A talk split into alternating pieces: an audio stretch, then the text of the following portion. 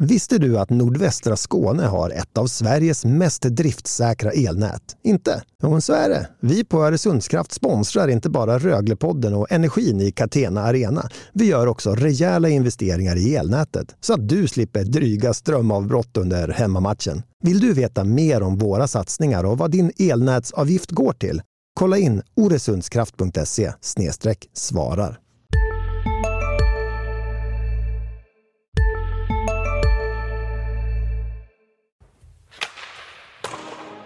We're here to win a championship. I mean, I'm not no no issue saying that. Well, that's why are we doing this? It's to win. I mean, I I don't think uh, anybody that's involved at this level uh, has any other intention. So let's not uh, be afraid to say that. Pappa och Rogge och jag tror de har ju ändå gjort något stort för klubben liksom och de var väldigt stora där och det är bara kul att jag och Lukas har fått komma upp i A-laget båda två också och föra Elvenäs vidare. Lukas Elvenäs. Lukas Elvenäs. Det finns inget annat ställe att börja på än med Lukas Elvenäs i veckans avsnitt av Röglepodden. Linus Alin, Daniel Roth, själv heter jag Mattias Hjelm. Nej, det finns det inte. Det undrar finns det inte. Undrar vad det har snackats om i Ängelholm på ICA den här veckan. Jag vet. Du vet. Jag också. Ja, vad har det snackats om? Jag har sett det i min mailkorg också. Den där mailkorgen förföljer dig. Ja, det är en snackis av Guds nåde. En liten rekapitulation heter det va? En liten uh, återblick. Vad, vad är det som har hänt? För du Daniel var den som avslöjade alltihopa häromdagen. Ja, men det drog igång i, i måndags då. Ehm, Vi, vi har inte riktigt, vi ska inte säga att någon har, har mörkat, men Lukas Elvenes har inte varit eh, med i truppen de två senaste matcherna. Vi trodde väl Eh, att det berodde på skadan, fick en smäll mot Malmö och vilade matchen efter. Eh, men det kom till vår kännedom att eh, det ska bero delvis på, på en konflikt med, med tränaren Cam Abbott och eh, jag ställde frågor till eh, Lukas om detta efter och han svarade obekymrat om och mörka liksom ingenting. Och jag skrev detta och den, det slog ju såklart ner som en bomb. Ska väl, är ett ord som inte ska missbrukas men eh, det får man ju ändå säga att eh, det var eh, utslag på, på Richterskalan eh, i Ängelholm. Ja, verkligen. Och känslan är ju... Ehm, eh, jag vet vi pratade om det på redaktionen Daniel att detta var någonting som någonstans dela eh, Rögle-fansen i, i, i, två halvor vad gäller åsikt. Att vissa tyckte att ja men det är väl klart att Lukas Elvenäs ska få spela in honom så snabbt som möjligt. Och den andra halvan tyckte att ja men vill han inte vara här och gå ut och prata på detta sättet och sätta honom på bänken eller välja en annan klubb. Så det har varit en väldig vattendelare också. Eh, och det är väl därför också det har blivit en så stor snackis för att alla tycker någonting i denna frågan. Precis. Uh, och det är inte jättevanligt att uh, det känns verkligen 50-50. Jag har fått otroligt mycket reaktioner på detta och alla är övertygade på sitt håll men folk har olika åsikter. Eh, antingen tycker att det är liksom illojalt att liksom prata så. Andra, andra tycker liksom eh, man måste kunna hantera den typen av Uh, unga människor som, som säger saker så. Så det har verkligen varit uh, verkligen en vattendelare. Jag tänker, jag läste någon tweet också om att ja, man kan laborera, skicka iväg importer eller något sånt där. Men att börja peta på en älvenäsare, då leker man med elden. Det kanske var ganska bra beskrivet just den meningen, leka med elden, oavsett vad som har hänt i detta. Jo, det är klart att det finns ett uh, symbolvärde som... Uh, allt som har med Lukas Elvenäs att göra är ju, blir ju mycket, mycket mer känsl känsligt än om vi säger att det hade varit Nils Höglander. Då hade ju förmodligen Eh, 95 procent sagt att ja, men passar det inte så, så stick då. Eh, så det är klart att hans arv är ju en eh, jättegrej i sammanhanget. Och det, men det är också att det är, en, det är en egen produkt, en egen kille som folk är, är stolta över. Han ska ha en karriär i Nordamerika framför sig. Det är klart att det är många som tyckte att det hade varit skittråkigt och att inte han ska kunna vara kvar i sin moderklubb.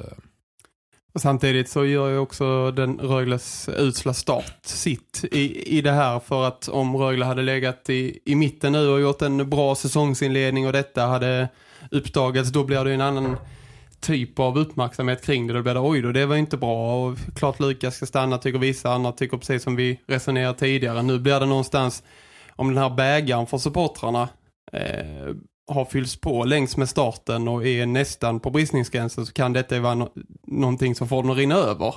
Så det blir också lite sådär eh, hela bensin på en brasa som redan eh, brinner alldeles för mycket. Jag ska ta ställning i, i en sak här känner jag och det är inte vare sig på Lukas eller Cams sida utan det är faktiskt mot alla som har blivit så ilskna och gått ut med att eh, när de har twittrat att ah, men han ska inte gå ut och lipa i pressen. Jag har läst den här artikeln flera gånger och jag kan min själ inte se att han lipar i pressen. Du Daniel, du mm, frågar honom, han berättar som det är. Okej, det kan man anmärka, det kan man ha synpunkter på, men det är inte att lipa i pressen. Han har inte ringt upp dig, vad jag förstår, för att du, jag vill gråta ut här nu, det är synd om mig. Det har han inte gjort. Nej. Nej, precis. Så där tycker jag att man, man, man skjuter över målet. Jag tycker inte det är, det är inte att lipa i pressen. Sen sa han i och för sig också om att ja, självförtroendet var stukat och, och sådär va. Man fick en liten inblick av att det kanske inte är så mycket halleluja-stämning i omklädningsrummet trots att resultaten har varit jättedåliga. För man har ju inte hört någonting om att stämningen inte skulle vara bra eller sådär. Och det, det kan man tycka vad man vill om, men det är inte heller att lipa. Han ger en bredare bild av det. Så just i det tycker jag, sen kan man ifrågasätta om han skulle ha gått, berättat vad han gjorde. Det är en annan sak, men han har inte lipat. Det vänder jag mig emot. Skarpt. Någonstans är ju fakta fakta. Alltså Lukas Elvenes kan ju inte stå och säga till Daniel i intervjuet att nej men jag, eh, jag är skadad eller jag, jag har känning om han inte har det. Exakt. Det- det jag är ju- frågar, är, är du skadad? Nej, jag är inte skadad. Jag har varit frisk de senaste två matcherna. Det är ju fakta. Eh, vad tycker du om det? Ja, det är inte så roligt. Eh, eh, han, han gör inte så mycket mer än att svara eh, och han- hänvisar, hänvisar till Cam. eh, Flera gånger och dessutom. så att jag vet inte varför jag inte spelar. Det får du, det får du ta med honom. Så eh, jag är väl enig där. Han gör inte så mycket mer än att svara först. Och sen, det är ju klart att även om han, jag uppfattar honom som väldigt liksom, avslappnad kring detta, det var inga konstigheter, så, så klart att det finns en enorm frustration hos honom när han är hemma och det är en superviktig säsong för honom och, och han kommer hem och han är utanför laget i ett lag som eh, har fått inte kan göra mål. Eh, han är i ett lag som, som lider och han, han hamnar utanför. Det är klart att han, han vill inte ha det så här. Det är klart att det en, finns en frustration i, i, i, i det att han eh, inte liksom mörkar. Eh, och någonstans, jag, vi har varit ute på träningarna den här veckan eh, och sett allihop och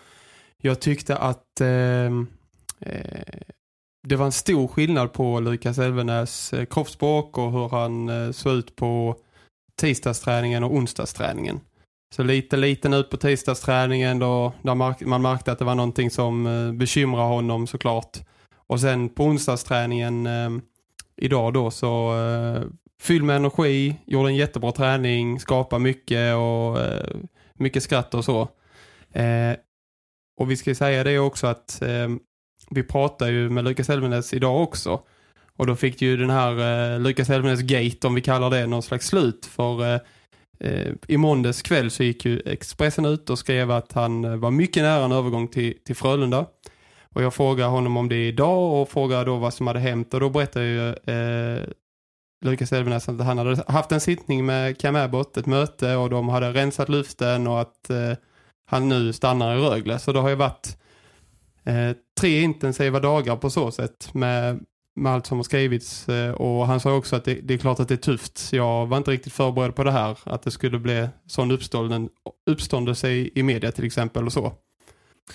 det är väldigt man låter som en eh, relationsterapeut men det är lite samma, om man inte pratar med honom så, så går det dåligt. Man fick ju ändå intrycket när vi skrev den första artikeln att det var lite låst läge. Lukas menar att han inte har fått några besked, han visste inte varför. Det kändes ju inte som att de pratade med varandra. Eh, hela det här, eh, och om nu detta liksom blev en explosion så, så, så ledde den ju förmodligen till något gott. Den ledde ju till att två människor satte sig vid bordet och, och, och som det verkar, redde ut det och, och tog i hand på att fortsätta liksom, eh, eh, samarbeta. Och det, det kan man väl begära att, eh, att man ska göra det. Liksom. Frågan är om man ska hamna i det här läget från första början också med en 19-årig egen produkt. Jag tycker att man eh, det ingår i ledarskapet någonstans och, och ta hand om eh, människor, ta hand om individer och få folk att må bra för att kunna prestera. Eh, då krävs ju också en tydligare dialog mellan spelare och ledarstab. Det här fallet är ett ganska tydligt exempel på att det inte har funnits någon jätte, jättebra dialog i alla fall vad jag kan, vad jag kan läsa mellan raderna. Och det tycker jag är lite, ja, det känns inte som att det har eh, skötts jättebra från första början. Nej, det är en, en, en, ny läropeng både för Lukas har ju lärt sig ett annat av detta men eh, man förmodar att, att uh, träna Cam Abbott också kanske har lärt sig ett annat om kommunikation. Jag tänker att det, det är så svårt när man inte vet exakt vad som har hänt så är det så svårt också att stå och prata på ett sätt om det här för att om Cam nu sitter och lyssnar på det här, om han gör det. Han har nog inte tid med Nej, men om han skulle göra det så skulle han ju kunna säga, ja men vad håller de på med? De är helt dumma hur De har ingen aning om vad de pratar om. De vet inte vad vi har sagt mellan oss eh, sådär va. Men ändå någonstans kommer vi inte få veta det, då måste vi spekulera och så är varvet igång. Men jag vet inte, det, det finns ju saker att fundera på kring det här för att det är inte första gången som det blir någon slags krock. Och man undrar ju jag undrar i alla fall, vad, hur, ska, hur ska stjärnor kunna få liksom spela ut hela sitt register och vara stjärnor under Cam Abbott? Det är en fråga som dyker upp hos mig. Jag kanske är ute och cyklar här, men den finns där. Ja, men jag skrev en krönika på samma tema att han måste hitta ett sätt att liksom få alla, alla spelartyper att blomma i sitt system. Det känns som att de plockar på sig ett, eh, eh, en variation av spelare men så känns det ändå som att man vill pressa ner eh, de flesta i, i samma hål. Liksom. Det funkar inte med Altonen i fjol. Christian Thomas är ju en lirare som har hamnat liksom på kant och pendlat mellan fjärde kedja och, och bänken. Det känns lite som att man, man är snabbare liksom att straffa ner någon lite grann i hierarkin och liksom man får slita sig in. Eh, man måste hitta ett sätt att, att liksom bygga, att bygga människor. Ja, utifrån sett i mina ögon så känns det lite kantigt mm. ibland. Men det är ju möjligt att eh, Cam ser det på ett helt annat sätt. Som skulle kunna mjuka upp de där kanterna i mina ögon. Jag vet inte. Nej, jag håller med dig. Jag tycker också man, det, man drar sig lite för att tycka för mycket. Det är svårt att tycka om eh, när man inte vet vad som händer. Vi står och spekulerar om... Eh, mm. Man lägger ihop ett och ett och det är inte jätteenkelt. En annan sak jag reflekterar över här och nu så jag inte glömmer bort det. Du sa det Linus att nu är Lukas Elvenäs gate över. Jag är inte så säker på det faktiskt. Jag är inte säker på att det här är sista kapitlet. Ja, över för nu skulle jag kunna hålla med om. Men ett par dåliga resultat till. Någon, eh, någon förskjutning neråt i hierarkin igen mm, har det en gång blossat upp och sen har man rensat så visst det kanske ligger där och locket på, det är lugnt ett tag men det behövs inte mycket för att det ska börja puttra och koka där under igen. Ah, jag är inte så säker på att det är det sista vi hör av Lukas Elvenäs Gate här alltså. Det eh, kan man väl säga. Är det det? Det, det är ju upp till, upp till de båda. En, ett, ett samtal kan ju lösa knutar. Eh, sen själva liksom resan mot en bättre, mer liksom givande relation, den börjar ju idag. Uh, faller man liksom tillbaka i, i gamla roller precis som i en relation liksom, då är man ju snart där igen liksom. Vilket är lätt hänt om inte resultaten kommer. Jo men det är det ju. Så det vill ju till att liksom lite grann båda äh, ändrar sitt äh, liksom sätt äh, att, att det blir liksom en märkbar kursändring. Då, skulle det, då kan det bli bra. Men det, det, det vet vi absolut inte. Det handlar ju om hur, hur de går vidare från idag. Det är nu den resan börjar. Precis som det kan vända och börja koka igen som du säger Hjelm så är det ju så att det bör resultaten trilla in och Lukas Elvenes kommer igång. Då kan ju detta vara glömt Absolut. om två veckor. Så Absolut. det är ju verkligen, det är ju som du ja. säger Daniel, från, från idag och framåt så. Ja, men den vägen är också öppen. Det känns som att äh, vägarna, flera vägar finns här. Mm. Men ja, Men he och hälsan tiger ju still liksom. Ko- Kommer igång och Lukas kommer att producera det. Det är skitsamma, jag tror jag. Vad de säger och gör, då, då kommer de rulla på. eh. Men ehm, det spretar nog lite åt alla håll. eh. Mm. Men eh, korrespondent Alain, du har varit eh, på träningen idag och eh, vi, vi, du behöver kanske inte dra alla kedjor nu men visst är det väl så att eh, Lukas Elvenes är med i eh, matchtruppen mot Timrå imorgon och han, han har fått ett, liksom ett, eh, ett hem i en ny kedja i alla fall. Ja, precis. Och det man kan säga då är ju att det är två kedjor som är intakta från förra matchen. Också då... Du drar ändå alla kedjor nu, gött. Nej, jag drar inte de som är intakta, tänker jag. Men de som är eh, nya då är i alla fall Christian Thomas, Erik Andersson och Lukas Elvenes. Som tränar tillsammans idag. Och sen Nils Höglander, Simon Ryfors, Kristoffer Bengtsson. Och det ska också sägas att Lukas Elvenes gick rätt in och tränade i powerplay. Och det säger ju att man ska eh, starta en match om man spelar en av powerplay-uppställningarna. Får jag bara sticka emellan med en snabb grej. Jag tänkte det när du åkte på den träningen att det, alltså, hans omgivning i den här, inför den här matchen avgör hela liksom, framtiden. Hade han idag suttit kvar liksom, utanför i kylan då tror Mm. jag han hade varit körd. Mm.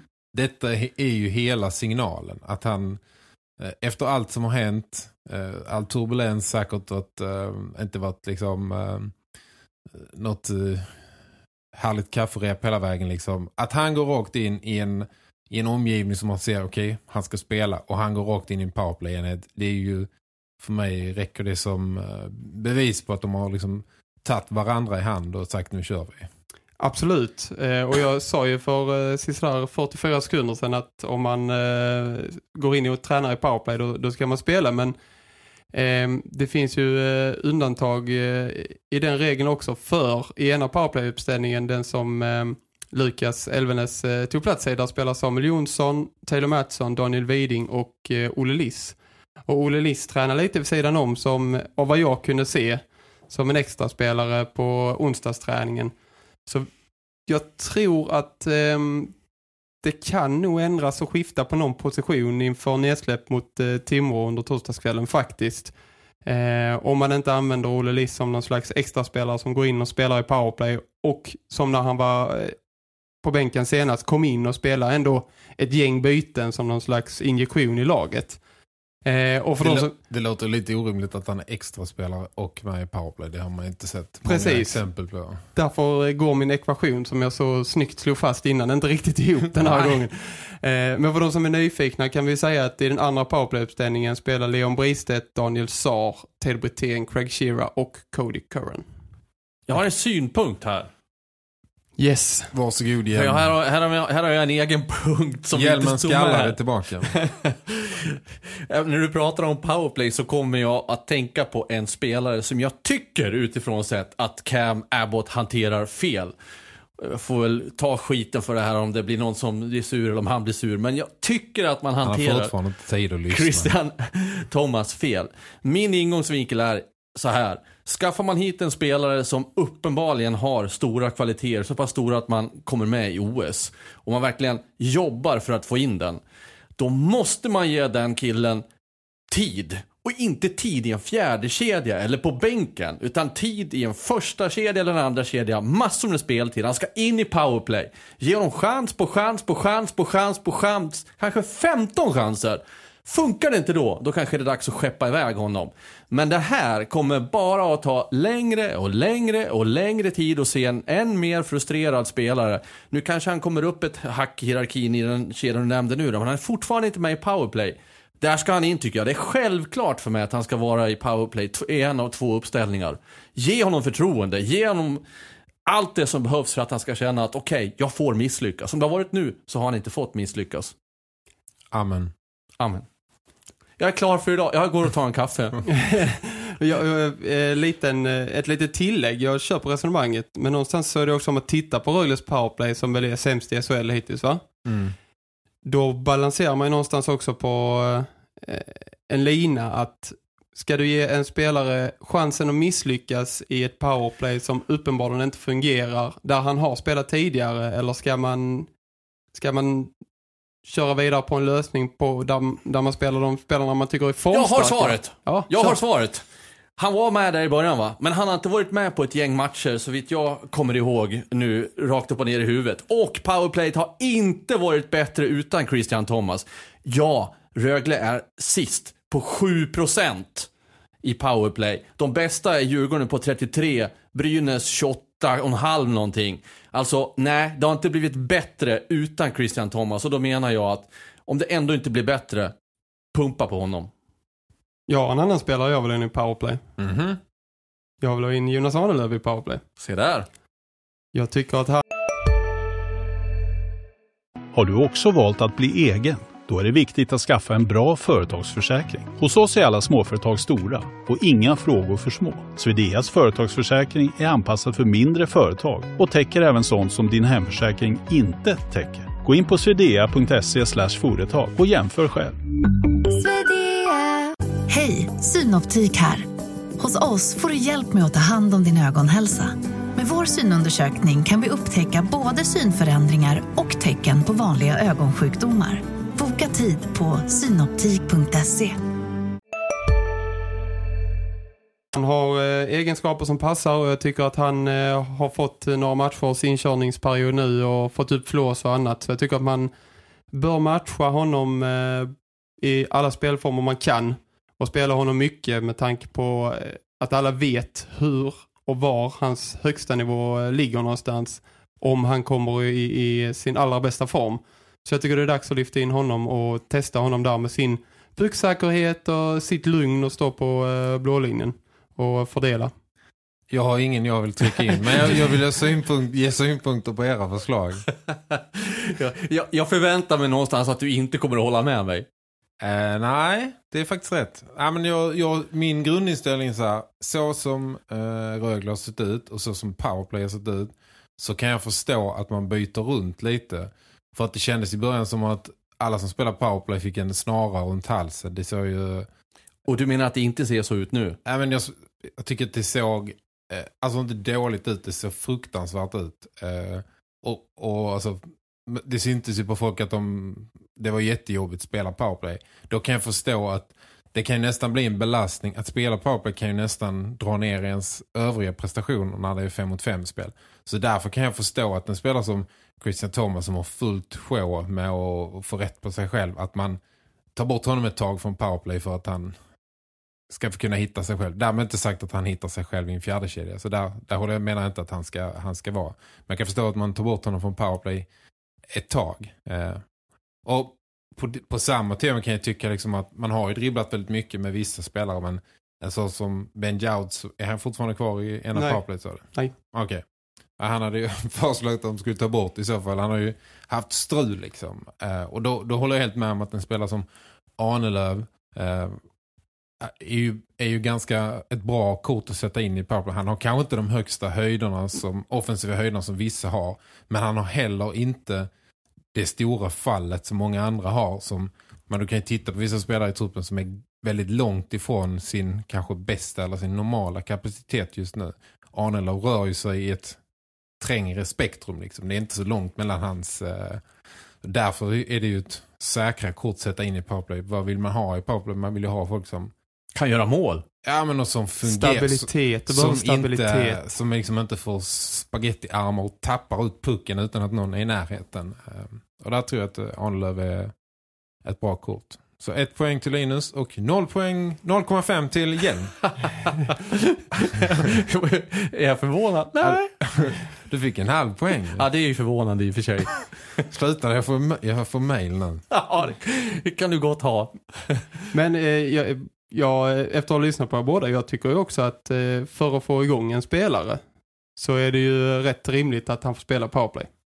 Jag ger 0,5 Det poäng blir till ett Hjelm totalt. Så Ett han får totalt. Ett, det blir ett, ett där. Med Daniels resonemang så var ju hela det usla powerplayet Christian Thomas fel. Va? Du drar ut knäcken och lårarna. Ja, men det var så otroligt dåligt i början. men och då var det Thomas som fick stå åt sidan sen. Nej, det var tio andra du hade kunnat uh, sätta på väntelista. Apropå väntelista, där Mm. är en spelare som fortfarande står på den och det är ju Mattias Sjögren. Och, eh, Ja, vad är statusen där? Jag måste, om folk undrar varför vi inte pratar med honom så är det så att han inte är tillgänglig för intervjuer. Vi, vi ställer frågan hela tiden. Men han, eh, han, så länge han inte är spelbart skick så har han inte något liksom, att till, tillägga. Så att, eh, vi får vänta med att lyssna på Landskronasonen Sjögren vad han har, tycker och tänker. Det får vi, men vi har sett honom på träningarna. Eh, och det var ett bra tag sedan nu han la sin eh, röda tröja som betyder att han inte var tacklingsbar. Och han har kört för fullt och fortsätter köra för fullt och är med på eh, alla övningar eh, under passen. Och ehm, vi är väl eniga om att vi tycker att han ser eh, stark ut. Han ser eh, alltså ut att ha bra tryck i benen och med i spelet och bra liksom hittar, börjar hitta rätt med sin timing och allt det där. Han ser startklar ut. Ja, och även om vi inte kan veta, för det vet väl bara Mattias Sjögren och eh, det medicinska teamet eh, och ledarstaben när måldatumet är för hans comeback, så kan vi väl ändå konstatera att han eh, är nära. Och, I, må, eh, i, och- må, ja, precis. I måndags när jag var på träning så tränade han ihop med Kristoffer Bengtsson och Olle List tror jag. mm, Och det kändes det som att eh, han var on course för en debut. Men nu eh, mot slutet av veckan så har han inte varit med i någon startande enhet. Så vi gissar väl att han är, um, han är nu nära. Men eh, om det blir denna veckan eller om två veckor det är, eh, det är nog klokt att, att vänta in eh, doktorns beslut. Mm. Eh, Det är det ju såklart. Och eh, de matcher som kommer närmast här nu är ju alltså två stycken mot Timrå, nykomlingen Timrå som gått bättre än väntat och det är väl ingen överdrift att påstå att för varje match som går ökar anspänningen om inte segrarna kommer. Och det jag känner, känner bara igen det här med spelschemat. De har inte flyt med det. Det hade varit skönare att ha Timrå hemma först. Ah, det kan jag ju inte klaga på nu. Timrå hemma eller borta i omgång 9 eller 10. Kom igen. Ja men som läget har utkristalliserat sig hade det varit skönare att ha Timrå hemma. Men det kan man inte göra någonting åt. Skitsamma, Timrå borta blir inte lätt.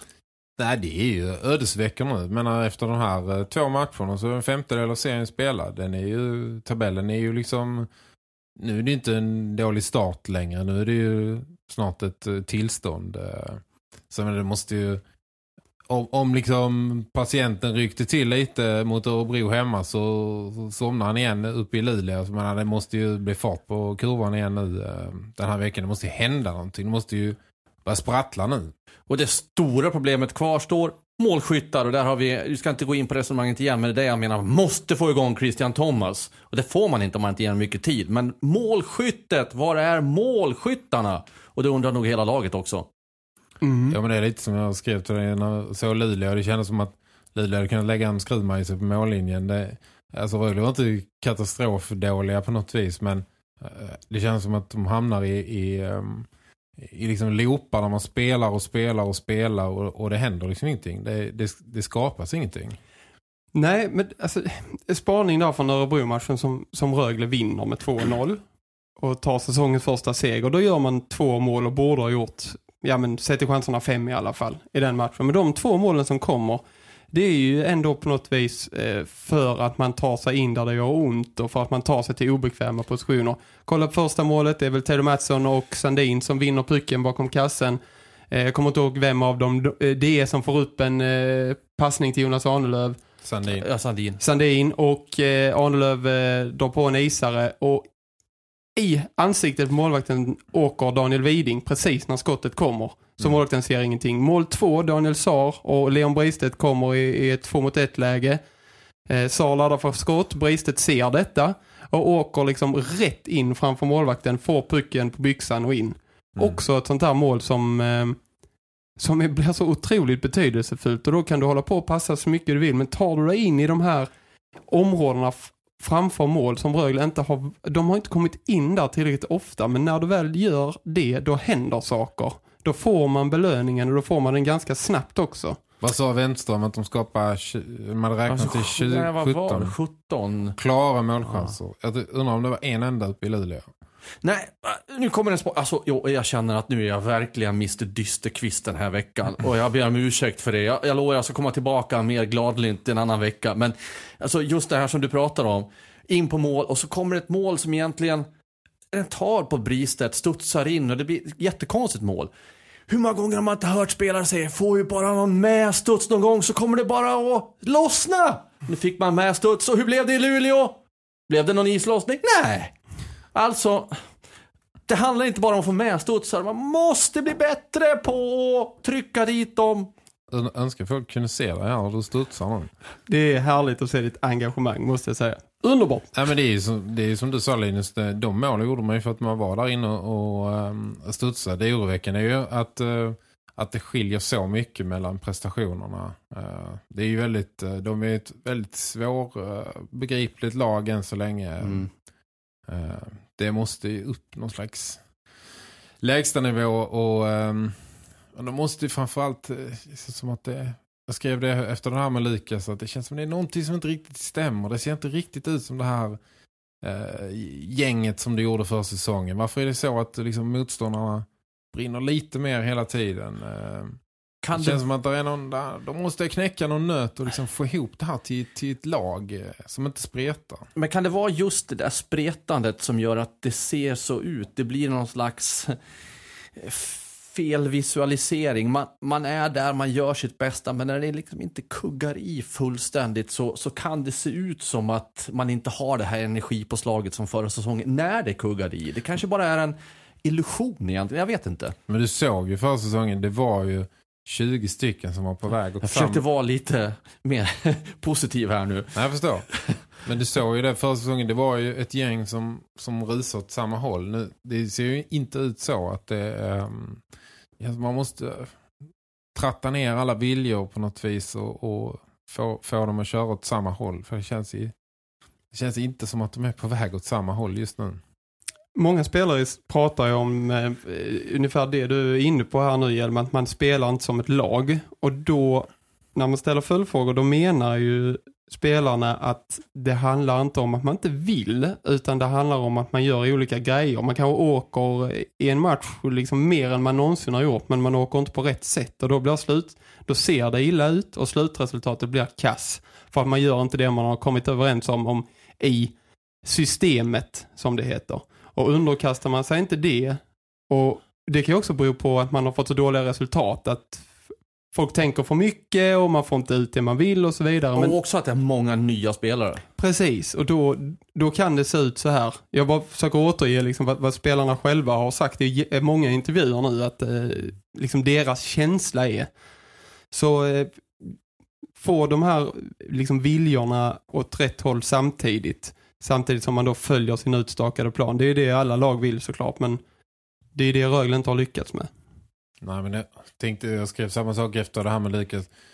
Rögle i det läget de är, de måste ju få, få, liksom mobilisera all kraft de kan eh, få för att komma ur det här läget. De har inte tid att lägga kraft på eh, en konflikt mellan en spelare och en tränare. De måste ju, de måste ju enas allihopa och liksom skapa någon slags glädje och börja springa åt samma håll. Det...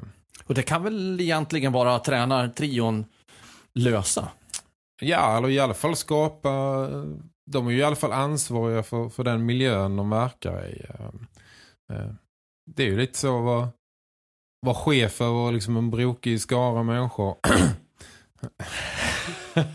att, um... jag, jag känner mig inte träffad. Gör du Linus? Ja, men... De andra där ute. Ja, jag ska hälsa dem sen. Exakt. Ja, men någon behöver liksom klias på ryggen. Någon behöver sparka röven. Och någon behöver... Alla, alla har lite olika behov för att...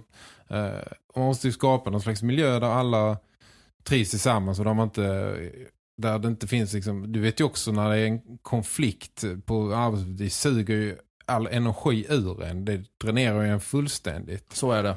Uh, så man de måste ju få, ut, få bort allt gammalt skit och liksom verkligen använda det här, vända detta till något positivt nu och liksom uh, explodera ihop. Annars kommer de aldrig att komma någonstans. Jag ska jag titta på mig själv och de konflikter jag har bidragit till eller varit med i eller delaktig i och sen uh, kunnat uh, liksom reda ut dem och lösa dem, be om ursäkt och allt det man behöver göra så brukar det för mig i alla fall bli en positiv effekt av det omgående. Och det är möjligt att det blir just det här mot Timrå. Ja, om man det... översätter det till hockeyspelet. Det är lite det jag fiskar efter. Att det går ju ofta att, att, att vända liksom, när man kommer ut ifrån en konflikt till uh, till att bli något, det blir en nystart liksom. Om man, är, man känner mer att man är på samma, samma ruta så kanske kan eh, det som såg liksom jobbigt och, och tråkigt ut för dem istället bli liksom någon form av vändpunkt kanske. Ja, för det behöver inte alltid vara skit med en konflikt, Nej. även om det är skit i sig. Det har eh, goda medarbetare lärt mig på eh, också att eh, konflikt kan liksom vara det bästa som finns. Eh, för att då rensar man ut någon gammal surdeg och börjar om och eh, sen kör man efter det. Det är vad man gör efter en konflikt som är avgörande. Det är min erfarenhet. Exakt, Mm. men det var ju lite det vi var inne på i början att eh, det är nu det börjar liksom. Kan, kan man börja om på, på en ny kula och verkligen eh, börja flyga ihop så, så kan det ju bli en nystart detta. Kanske kom det helt rätt med andra ord. Det vet vi eh, efter torsdagskvällens match. Vi återkommer gärna. Ja. Men vi har faktiskt lite mer kvar här, eh, Linus. Fler spaningar. Jag vet att du hade fler än en spaning. Jag har ju tagit en del av dem nu faktiskt längs vägen. Men Du har det kanske, ja. Du har, men, du har eh, smält in i hela, hela samtalet här. Eh, jag har eh, två kvar i alla fall. Ja, du ser. Eh, första är från eh, speciellt tisdagsträningen. Eh, där tyckte jag att det var eh, skillnad jämfört med träningarna jag såg förra veckan. Jag tyckte att det var lite grinigare, det var lite det var no någon knäckt klubba här och där och det var lite, ni vet den här känslan att eh, smockan hänger i luften, den kom ju inte men eh, ändå det här att det är lite, folk gnager på varandra lite mer eh, och vill vinna pucken lite mer sådär på, på träningen, att det skruvades upp eh, jag håller med. den delen. Jag såg eh, träningen i måndags och reagerade en light, light reaktion av det som du såg. Jag tyckte också att ehm, jag såg de tendenserna, kanske inte lika tydligt som, som senare, men ehm, också lite mer grin än vad, än vad jag sett tidigare. Det var inte riktigt felvända klubbor den, den, under de här träningarna ord. Nej, det var det inte. Och sen, och sen har jag en spaning till ehm, som ni får eh, tycka bra om eller såga. Men jag tycker att eh, tittar man på backparen så är det ju just nu Arnelöv, Samuel Jonsson som spelar, eh, Craig Shearer, Cody Curran och eh, då Bertov och Bibic som har tränat som någon slags eh, fjärde backpar. Eh, och där är då Jouds och eh, Jesper Williamson också, eh, Ben Jouds. Och jag tycker att det är dags att eh, testa de spelarna med en annan eh, backkollega nu. Jag tycker att de har haft en jobbig start och det syns att de båda liksom krigar för att komma rätt eh, med sig själva i, i 5 mot 5 spelet. Och de är väl... Ja, jag vet, Ja, det är eh, långt ner i plus minus Ja, jag har inte det fast minnet exakt hur många minus, men Minus Minus sex, sex, sju, minus något sånt där. men det är 6 minus 7. Jag tycker det har gått tillräckligt många matcher nu för att eh, inse att de får eh, att man ska röra om i, i den miljön eh, faktiskt. De två är kanske, Williamson och, och Jaus är kanske de två, vi pratade om det innan, spelare som är en bit ifrån sitt normala jag. Liksom. De är kanske de som är längst ifrån sitt normala jag. De kämpar ju, de har ju, de har ju fullt sjå att hitta sig själva och de är kanske inte eh, superstarka tillsammans. Eh, så jag, jag fattar vart du är på väg. Samtidigt så, jag har också tänkt tanken men det är lite svårt för att eh, Shira har ju liksom ryckt upp Karen Mm. tycker jag. Eh, Ka- Karen har jag tycker jag sett någonting hela tiden att det kommer att bli bra. Det var någon som mejlade och drog en parallell till eh, Victor Bartley som såg helvilsen ut i början och som eh, växte ut till en jätteback. Ja, det, är det är ingen dum eh, liknelse. Eh, och samtidigt tycker jag Samuel Jonsson är en ganska underskattad back. Han funkar väldigt bra ihop med Arnelöv också. Så de är lite svårsplittrade de backparen. Sen känns det ändå som att man, man vill inte, man har någon slags hierarki spikad. Man rör inte så mycket eh, eh, neråt liksom. Det känns som att Bibic och, och, och Bertov är liksom 7-8. Ja, men det, jag tycker inte, efter den här inledningen tycker inte jag att de ska vara det. De kanske ska vara femma och sexa. Ja, Jag, Ja, tycker att det, jag tycker att det är läge att ge någon av dem chansen absolut. på, på sex backar. Och så får ju kanske i så fall antingen Williamson eller Jouds eh, vila ett par matcher liksom och, och komma rätt i sitt spel istället. Ja, det är väl, eh, låter, det låter inte orimligt. Ja, men om man, om man gör så på forwardsidan borde man kunna göra så på backsidan också. Tveklöst, tveklöst. Ja, och jag håller med att de, eh, de eh, två backparen där, Arnold Jonsson och Shira Curran, eh, eh, känns givna. Men sen tycker jag att tiden har sprungit iväg så pass mycket och det är så pass eh, eh, jobbigt läge att man, man kan vara in och peta lite på baksidan med en hierarki finns det ju, men den kan ju inte liksom stå i, i över 50 omgångar bara för att man har satt den från början. Så Nej, men äh, man har visat att det inte finns några heliga kor på forwardsidan så då borde väl rimligtvis samma gälla i de bakre regionerna. Mm. Intressant spaning. Nu har jag inte fler. Tradigt va? Var det två? Ja, de andra sprängde jag in i, eh, i det andra. De jag andra tänkte säga samtalen. att vänta, jag har två spaningar här och så bara, har, har vi tagit två nu? Ja, Ja, det har vi gjort ja. ja. Och jag, jag har ingen spaning nu. Nej, jag känner mig ganska färdigspanad. Jag tycker ändå vi har plöjt igenom väldigt mycket av det snacket som pågår och ja, Rögle behöver poäng, Rögle behöver segrar, det vet alla om. Och det, mm. Vi kan inte säga så mycket mer än så nu tror jag. Nej, vi, vi, kommer ha mycket att prata om nästa vecka också. vi spanar in eh, de två kommande matcherna och återkommer med nya rapporter. Tack så mycket för att ni har lyssnat. Tack, tack. Hej,